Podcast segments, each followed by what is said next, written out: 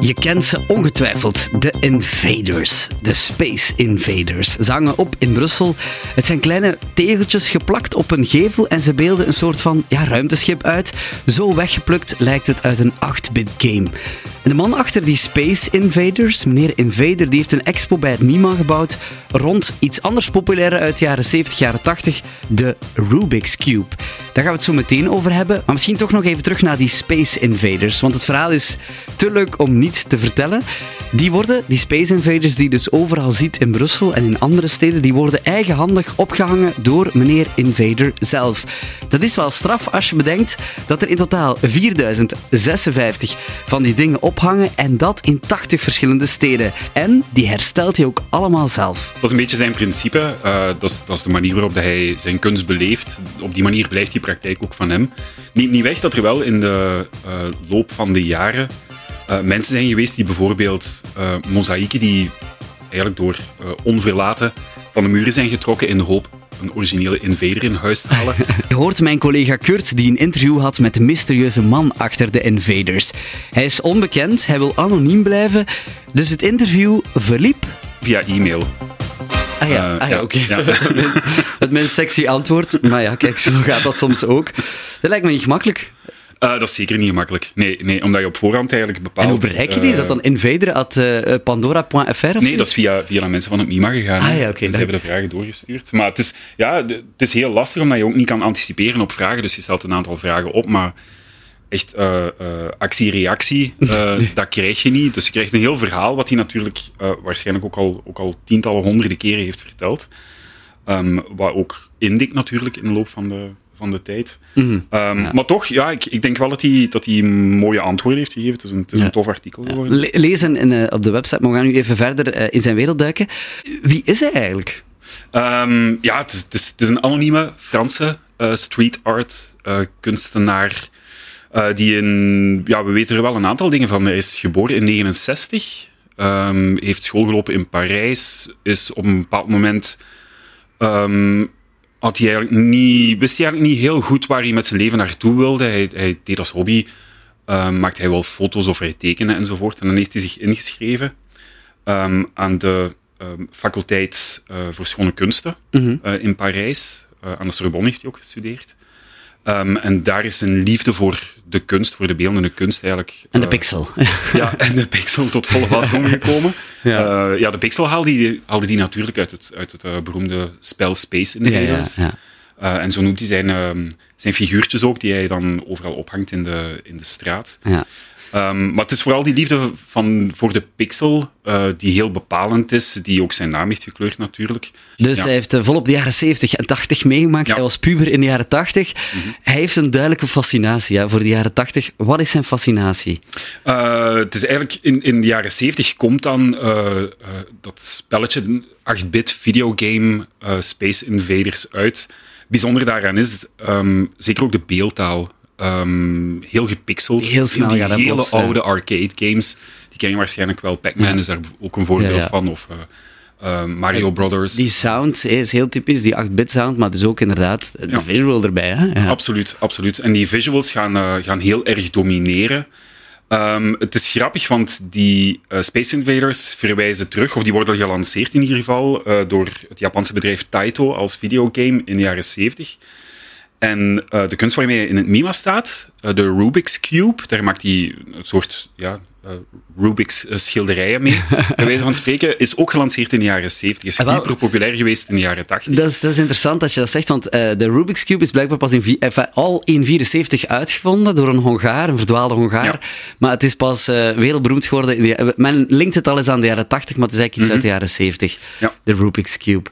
Um, ja, hij zegt dat ook, dat, hij, dat, hij, ja, dat wij het, het, een grote hang hebben naar onze kindertijd, dat iedereen mm -hmm. gekenmerkt wordt door zijn kindertijd. Vandaar dus die hij moet iets hebben met Space Invaders, met die, die videogames, met die arcadekasten, met die Rubik's Cubes. Ja, absoluut. En in zijn praktijk, het is, het is heel mooi. We hebben het er niet specifiek over gehad, omdat ik veel andere vragen te stellen had en ook niet kon overdrijven wat ik via e-mail allemaal probeerde uit zijn neus te peuteren. Uh, maar in ieder geval, op zijn website, heeft een website, uh, waar je een, Ah, ja. een wereldkaart vindt waar Ja. alle 80 steden staan eh, aangeduid. Ah. Je kan op die steden klikken en dan zie je bijvoorbeeld welke, invader, welke Space Invaders hij heeft opgehangen.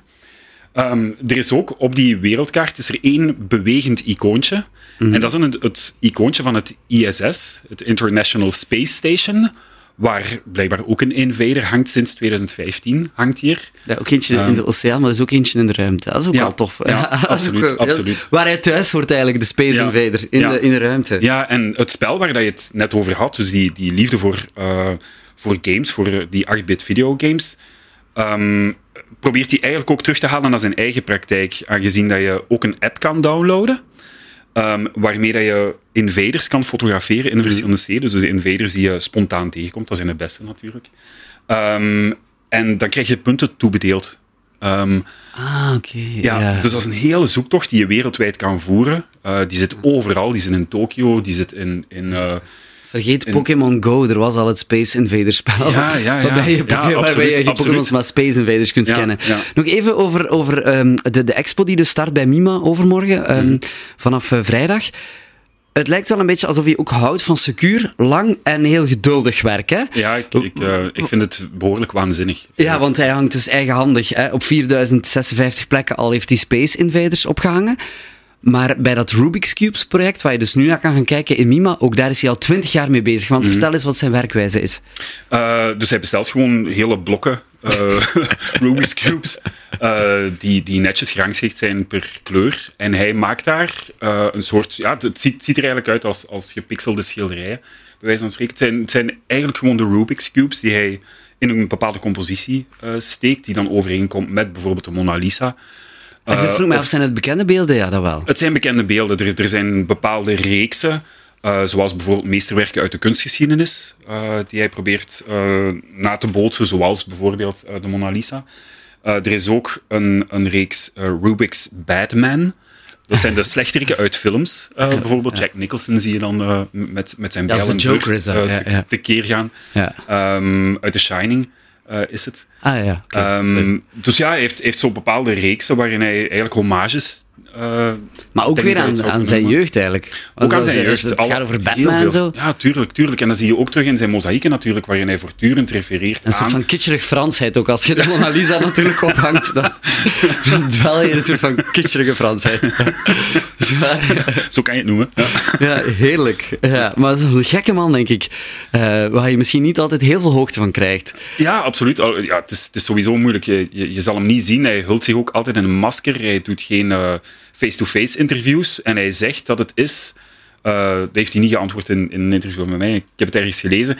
Dat hij dat doet om op de opening van zijn eigen tentoonstellingen te kunnen rondlopen en gaten te slaan hoe het publiek reageert. Zou hij er zijn in het Mima dan? Eh, ongetwijfeld zal hij er zijn. Ja? Niemand zal hem aanwijzen als Ja. de persoon. En wat ik mij dan ook nog afvroeg, als je zo eh, geheel anoniem een invader aan een huis hangt, ja, dat zie je toch, dat iemand dat aan het doen is. Maar misschien Ja. doe je dat s'nachts of ik weet niet. Ja. Eh, ik, ik, ik denk dat hij ook ehm, overdag werkt. Hij reist ook echt de wereld rond. Ehm, dus op bepaalde plekken zal het minder een probleem zijn dan op andere plekken. Heeft af en toe last van de politie wel, maar hij vindt eh, de mensen, de voorbijgangers, die, ehm, die reageren eigenlijk nog het ergst van al. Die kunnen het hardst uit de hoek komen, blijkbaar.